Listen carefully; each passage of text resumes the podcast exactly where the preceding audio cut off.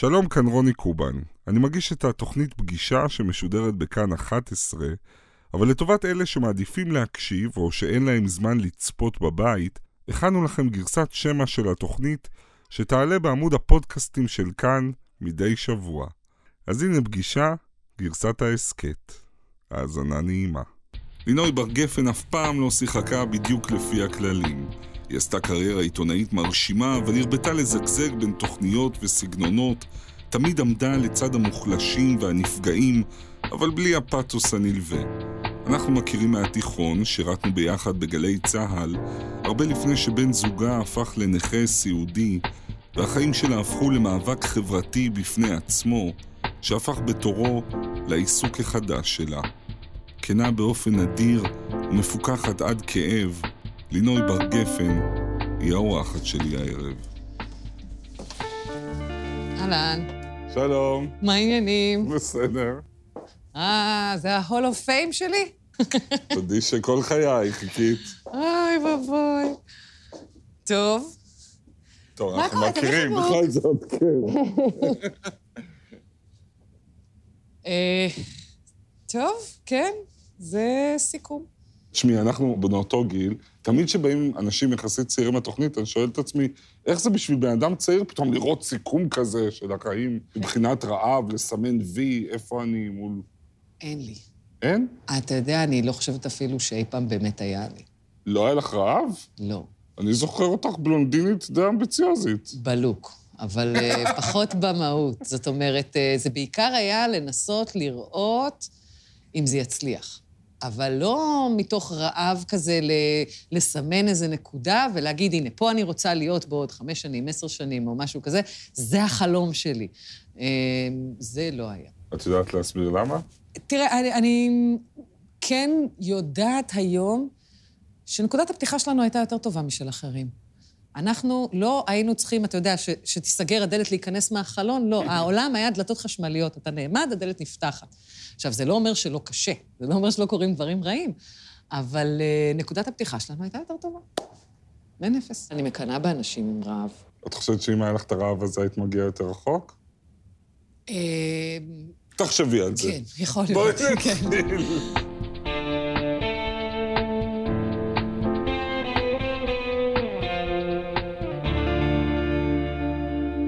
שלום ללינוי בר גפן, שלום לרוני קובן. עיתונאית ומגישה מהבולטות והמיוחדות שצמחו כאן. התחלת כחיילת בגלי צה"ל, הגשת את תוכנית הבוקר המיתולוגית של ערוץ 10 מברי גלעד, מגזין סיכום היום מאקו בקשת, תוכנית התחקירים 360 ברשת, עושות חשבון בערוץ 10, והיה לה משמע כאן בתאגיד. היום את חברה בפאנל של רסקין, של תוכנית הבוקר קשת 12, נמנית על מגישת התוכנית המעולה, יהיה בסדר בגל"צ, והבעלים והמנהלת של חמ"ל בר גפן, חברה שמסייעת למשפחות בסבך הביורוקרטיה הישראלית בזמן משבר בריאותי, חברה שהקמת בעקבות, בעקבות חיי. בעקבות חייך. ערב טוב, תודה שבאת. תודה שהזמנת. אני רוצה להתחיל מהדבר הזה שאת עושה עכשיו, חמ"ל בר גפן. זה גם נושא שנגעת בו לאורך העשייה שלך כעיתונאית, וזה די הנושא שהכי שנוא על כולנו, הבירוקרטיה. רוצה לשאול, מה המקום הכי מרושע, הכי נוראי, הכי קשה? ואם אני אגיד את זה עכשיו, אני אסתכסך איתו והלקוחות שלי ישלמו על זה. אה, תגידי. אני. יכולה להגיד לך מה הייתה הטראומה שלי. אוקיי. אני חושבת, אתה יודע, שקודם כל לכל, לכל אדם שעכשיו כאילו נכנס לעולם הזה של מוגבלויות ונכויות וצריך להתחיל למצות את הזכויות של עצמו והכול, יש רגע של קנק. רגע הקנק הזה זה רגע שבו אחרי שניסית להיות בן תרבות, אבל צברת וצברת וצברת, ואז איזה מישהו, איזו פקידה, איזה מנהל, אומר איזה משהו, או עושה איזה משהו, לא בהכרח הכי אטום שנתקלת בו, אבל הוא, הוא הגיע עכשיו בדיוק לקו הזה, ואתה מתפוצץ התפוצצות מביכה בטירוף של צרחות, אבל לא צרחות אה, של... אה, אה, צרחות? אבל של חיה. נראה לי שעכשיו הובלת אותנו מצוין לאחד רגעי הקנק שלך. זה קורה כשבן, בן הזוג היקר שלך, הופך להיות נכה סיעודי, ואת בעצם חוצה את הקווים והופכת מעיתונאית לעומדת ניסיון לאחת שעכשיו זה הסיפור שלה. תני לי את הרגע הזה של הקנק. רגע כזה. אני חושבת שהרגע המכונן היה ברשות המיסים. יום לפני שבן אה, מתאשפז, אנחנו חותמים על הסכם לרכישה של זכויות כדי לבנות דירה במסגרת אה, בניין אה, של קבוצת רכישה. אה, הולכים לעורכת הדין, חותמים, מתחבקים בסיום, עכשיו החיים מתחילים באמת. ו-23 שעות אחר כך, מאופוריה לגוואלד. אני בהיריון, בחודש השביעי כשזה קורה, ובערך חודשיים אחרי שאני יולדת את רנן, וילדתי אותו בניתוח קיסרי, אז אתה יודע, אז גם יש תפרים וכאבים ועניינים. אני מקבלת הודעה ממקרקעין ברשות המיסים, שלא שילמנו מס רכישה. ושהם מעקלים את החשבונות בנק שלנו, את המכוניות, את הכול. ואני רצה למשרדים שלהם. כלומר, בן בבית חולים, במצב קשה מאוד, את עם תינוק, עם תפרים של קיסרי, ועיקלו לכם את הכל, ולא מגיע לכם שיעקלו לכם, אוקיי. לא, כי שילמנו. כן. ואני רצה לשם, ואני יושבת מול המנהלת, ואני... בעצם זו, זו הייתה הבירוקרטית הראשונה שסיפרתי לה מה עבר עלינו בשבועות האחרונים. אה, ואני קולטת תוך כדי ש... שאני מספרת לה, ואני מספרת לה סיפור שהיה נראה לי די קשה. אה, ואני קולטת שהיא משועממת. משועממת. כן. אני רואה איך היא מזפזפת אותי לערוץ אחר בראש. ואני מבינה שמבחינתה אני עוד אחת מאלף אנשים שהיא רואה ביום, שמטרתם לחמוס את הקופה הציבורית, והיא תפקידה להגן על הקופה הציבורית. עכשיו, עד אז אני עזרתי, אתה יודע, במסגרת העבודה העיתונאית, עזרתי לנכים חדשים, בני משפחותיהם, למצות את הזכויות שלהם. ואני מודה שלא תמיד uh, חשבתי שהם נורא צודקים. Uh, וגם הרבה פעמים היה בהם משהו שעורר בי ניכור.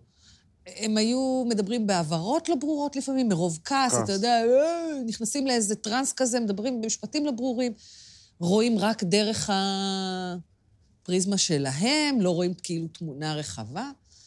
וכשאני יוצאת ממנה, מזועזעת כולי, יושבת על המדרגות של קריית הממשלה, מדליקה סיגריה, ואני מקבלת טלפון מגיא זוהר.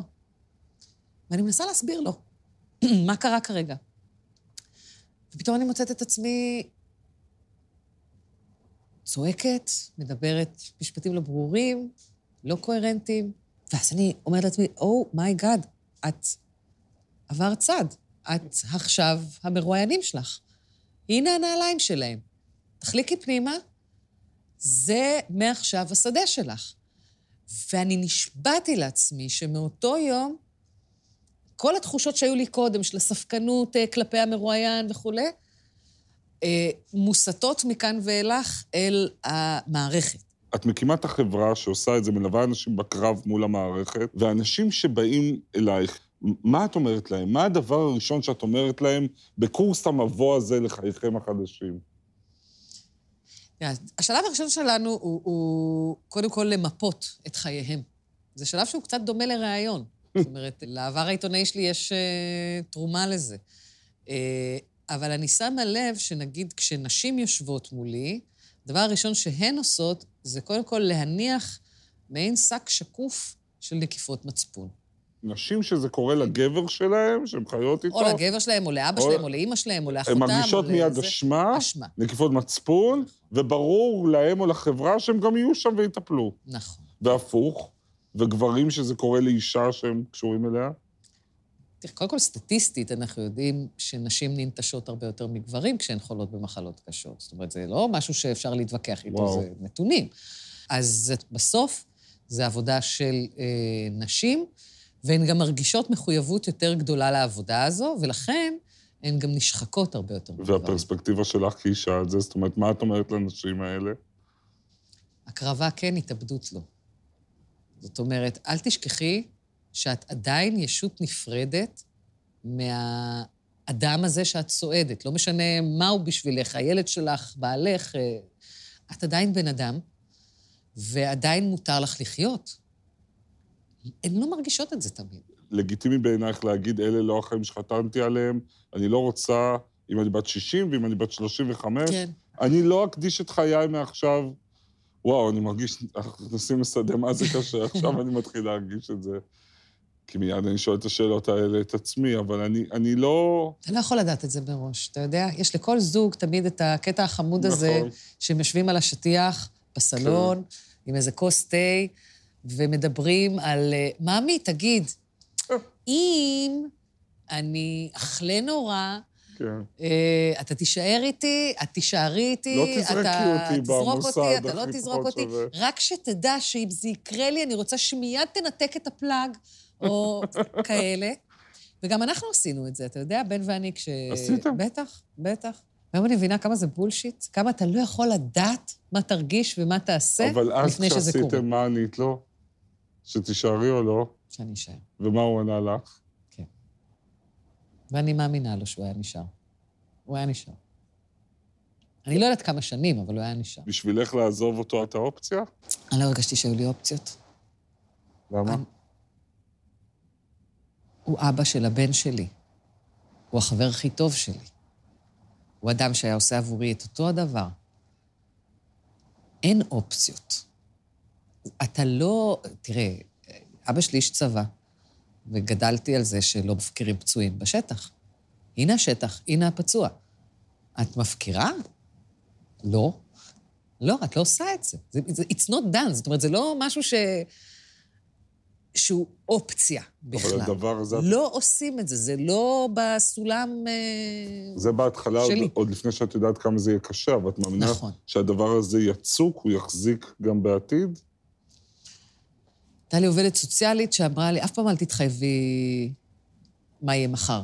כרגע זה מה שאני מחליטה. האם ההחלטה תשתנה? יכול להיות, ישתנו הנסיבות, יקרו דברים, אין לי מושג. למה את הכי מתגעגעת? דבר אחד. לישון. מאוד. לישון לילה שלם. בלי... בלי לפחד. זה חסר לי. לא להתעורר בחרדה. שמישהו לא נושם. לא לעשות את התנועה הזאת של לבדוק שהוא נושם.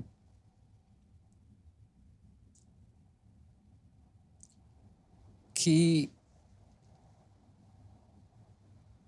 תראה, אני לא חושבת שאני אדם טראומטי.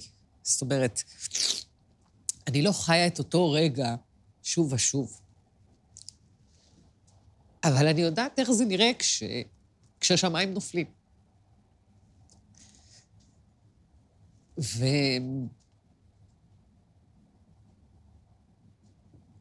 ואני לא רוצה שהם יפלו שוב. אז... אה, בקורונה ישנתי, אבל. בסגר הראשון ישנתי טוב. אני לא יודעת למה, ברור. יכול להיות שאיכשהו התחושה הזו שעכשיו כל העולם בטרגדיה, במצוקה, ברור.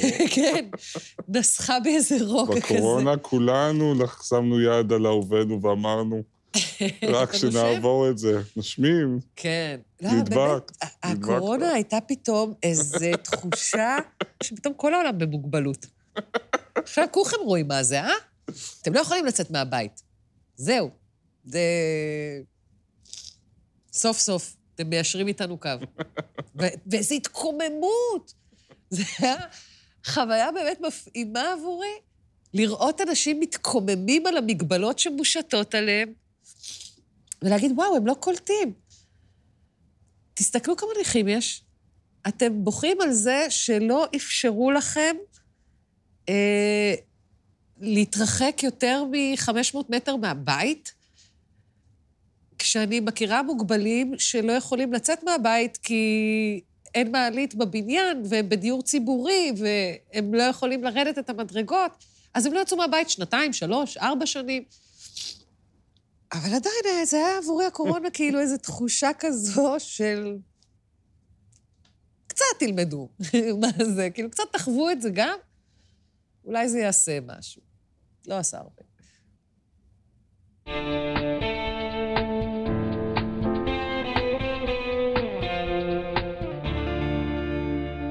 טוב, אז הנה את ובן, בתמונה אה, מתוקה, לפני שהכל קרה, זוג צעיר ומאושר. הכרתם שנתיים, נכון? שנתיים ביחד, כמעט שלוש, כן. והחיים טובים, ואת בהיריון מתקדם, ואז מה קורה? ואז אה, הוא מתחיל להשתעל דם, ואנחנו הולכים למיון, אבל הוא מרגיש טוב, אז לא מפחדים יותר מדי. אבל מתברר שיש לו קרע בעורק הראשי ללב. והוא מועבר בית חולים ועובר ניתוח, והניתוח אה, מצליח והוא מתחיל להתאושש. אבל אה, יום וחצי אחרי הניתוח הרופא עושה טעות, ושולף לא נכון צנתר. ובעצם נכנס חודר אוויר אל הגוף ועולה אל המוח ומתפזר, וחוסם כלי דם. וזה בעצם אירוע מוחי, תסחיף אוויר מוחי, שמסב נזק אדיר למוח של בן. ואז בן, המצב שלו פה קשה, והוא הוא, הוא מורדם, והוא שלושה שבועות בטיפול נמרץ, נטול הכרה, ואת לא יודעת אם הוא יקום. נכון. וגם אם הוא יקום, אני לא יודעת באיזה מצב באיזה הוא מצב. יקום. שאתה יודע, אנחנו חונכנו על אה, מה זה קומה. מה, אה, ראינו בסרטים. אה, מה זה אירוע מוחי? ראינו בבברלי הילס 90210, אבא של דונה. כל אחד? והרפרנסים אה, אני התרבותיים שלו. ראיתי את זה לא מזמן אני שוב. חשבתי על אלמודובר, אבל אה, לא על כן, אבא של בסדר, דונה. נו, יאללה, גם אתה חשבת על בברלי, אני יודעת מה אתה ראית בשישי, רוני, אנחנו מכירים. ברור. אז אם כבר נכנסנו בברלי הילס, את מי הכי אהבת? את מי הכי אהבת? דילן, נו, מה, איך אפשר שלא? אני את ברנדה. לא את קלי, את ברנדה. אוקיי. אז בקיצור, אבא של דונה, כשהוא, זה, זה פשוט הדהים אותי לראות את זה, כי אשכרה על זה נבנתה השכלה רפואית. אבא של דונה עובר אירוע מוחי. קריטי, קשה. לוקח לו להשתקם, לוקח לו לצאת מהקומה בערך 20 דקות, לוקח לו להשתקם בערך שני פרקים.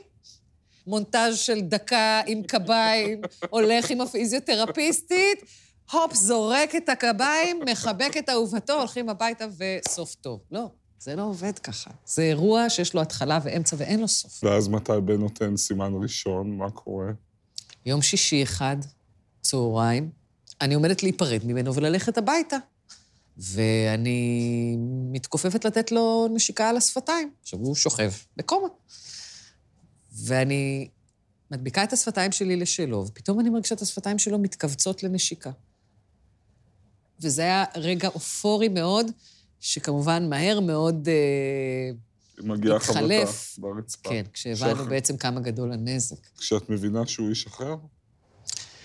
כשאני מבינה שהוא איבד הכל, ושאיבדנו אותו. הוא לא... אה, הוא לא הוא?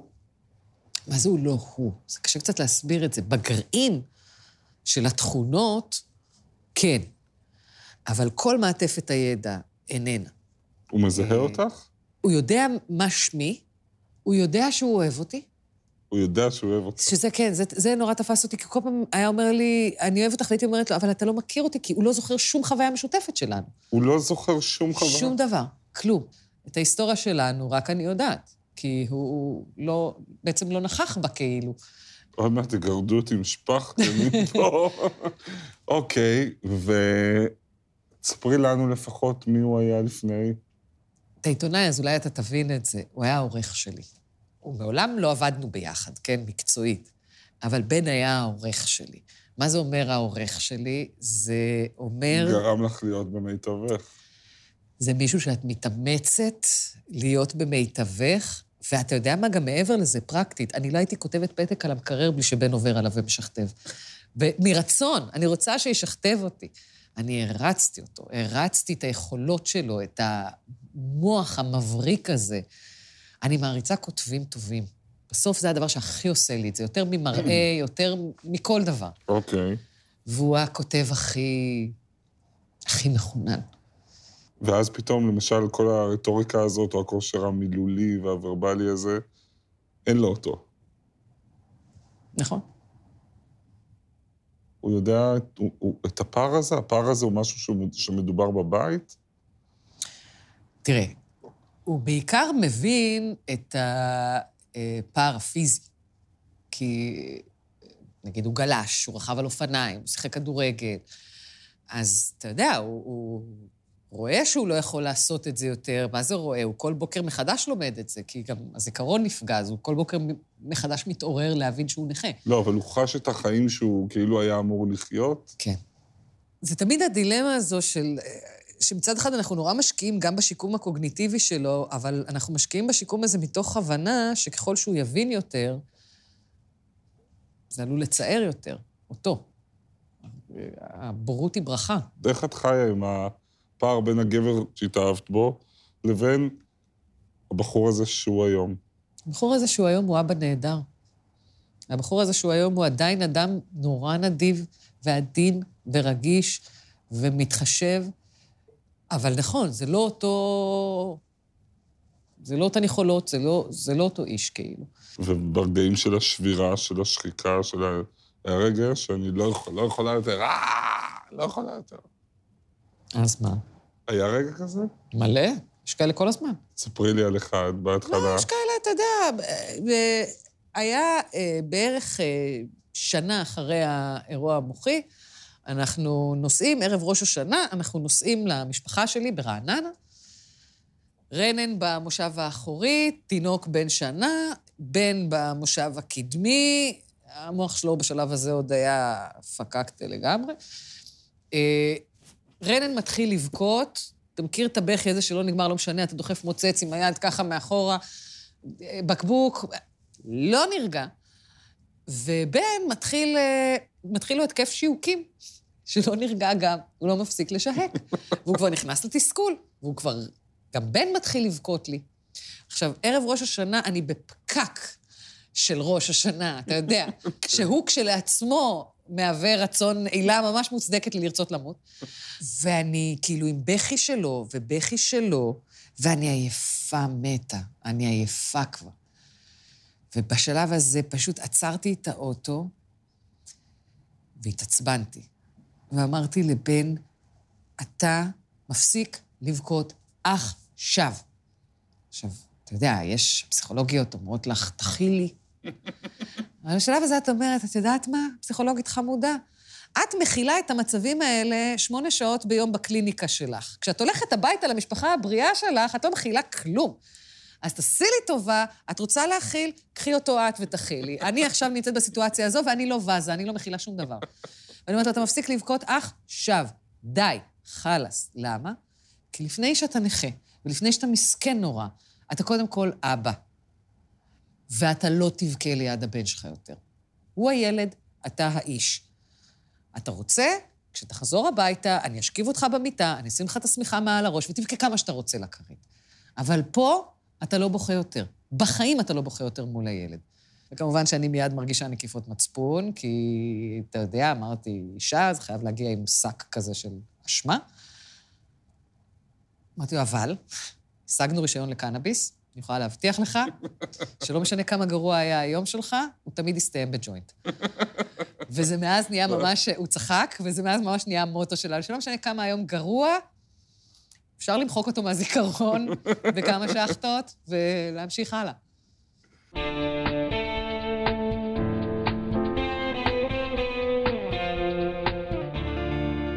טוב, אז עכשיו אנחנו בחלק הזה של התוכנית לא נבכה יותר. בואי נעבור לצד שלקרוא לו שמח יהיה מוגזם, אבל לצד המקצועי, בכל זאת. שמח, אוקיי. לא, אבל... אה, קרו שם דברים מעניינים. קרו דברים מעניינים מאוד. בואי נראה קודם כל קטע. קטע אחד מעשייתך, מעל המשמר, תוכנית ששודרה כאן בתאגיד. אוקיי.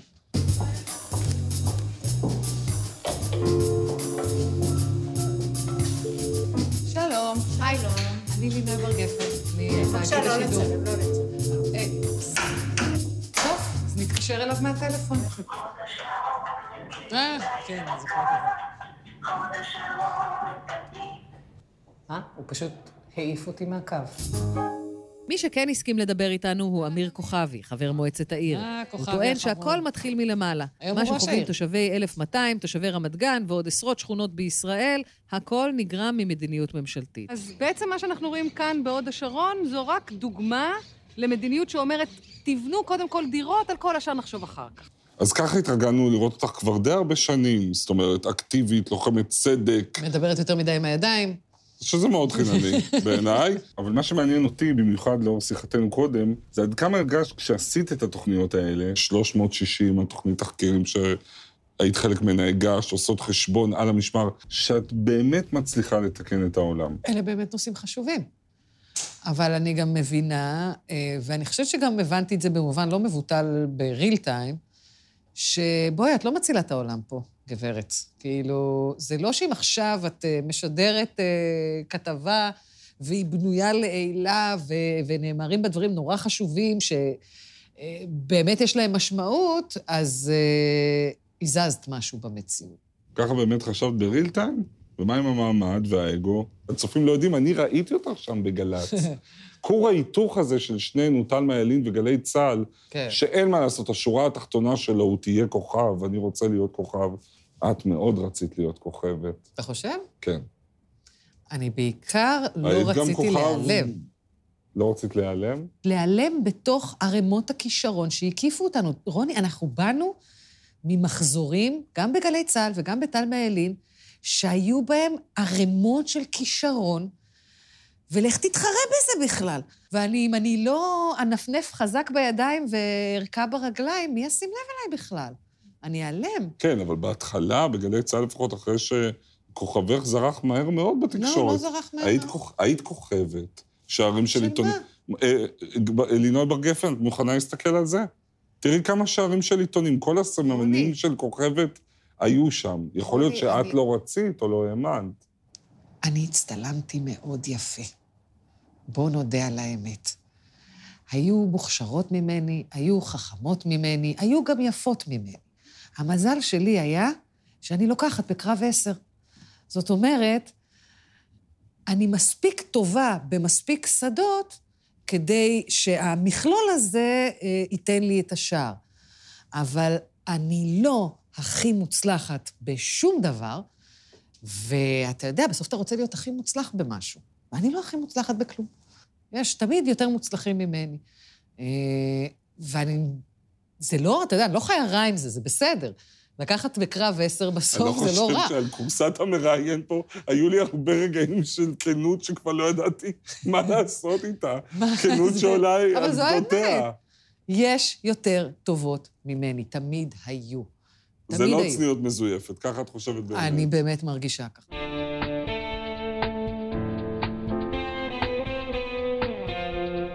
טוב, אנחנו עוד מעט מסיימים, אבל לפני זה רציתי לשאול אותך, את מתגעגעת לזה, לראיין בטלוויזיה? זה לא געגוע, זה... הרי היכולת אה, לחלץ מבן אדם או מידע, או סיפור, או חוויה, היא משהו שאני עושה אותו גם בעבודה שלי בחמ"ל בר גפן. לא, אבל בסדר, לינוי, אני שואל אם את מתגעגעת לזה. למה, למצלמה? כן, לזה, לכל מה שבא עם זה. היא איתי כל החיים. היא איתי כל החיים. אני מצולמת מגיל אפס. זה לא משהו שכיום עושה לי התרגשות גדולה או חרדה גדולה. זה שם, זה תמיד היה שם, ו... ואני לא יודעת אם זה תמיד יהיה שם, אבל uh, בסדר, זה, זה, זה לוכד איזשהו רגע, ואז משקר אותו לצופים. אני חושב בדיוק הפוך. כן? כן. בסוף זה, זה חתיכות, שזה בסוף זה, זה חתיכות של אמת. אבל אם זה לא הכי מרגש אותך היום, אז מה היום עושה לך את הריגוש הכי גדול? לשפר. זאת אומרת, להביא אדם מנקודה נמוכה לנקודה טובה יותר. זה נורא משמעותי בעיניי. לינוי בר גפן היה ממש מרגש ומסעיר ומחכים. תודה רבה שבאת ובהצלחה. תודה. עשית טוב בעולם.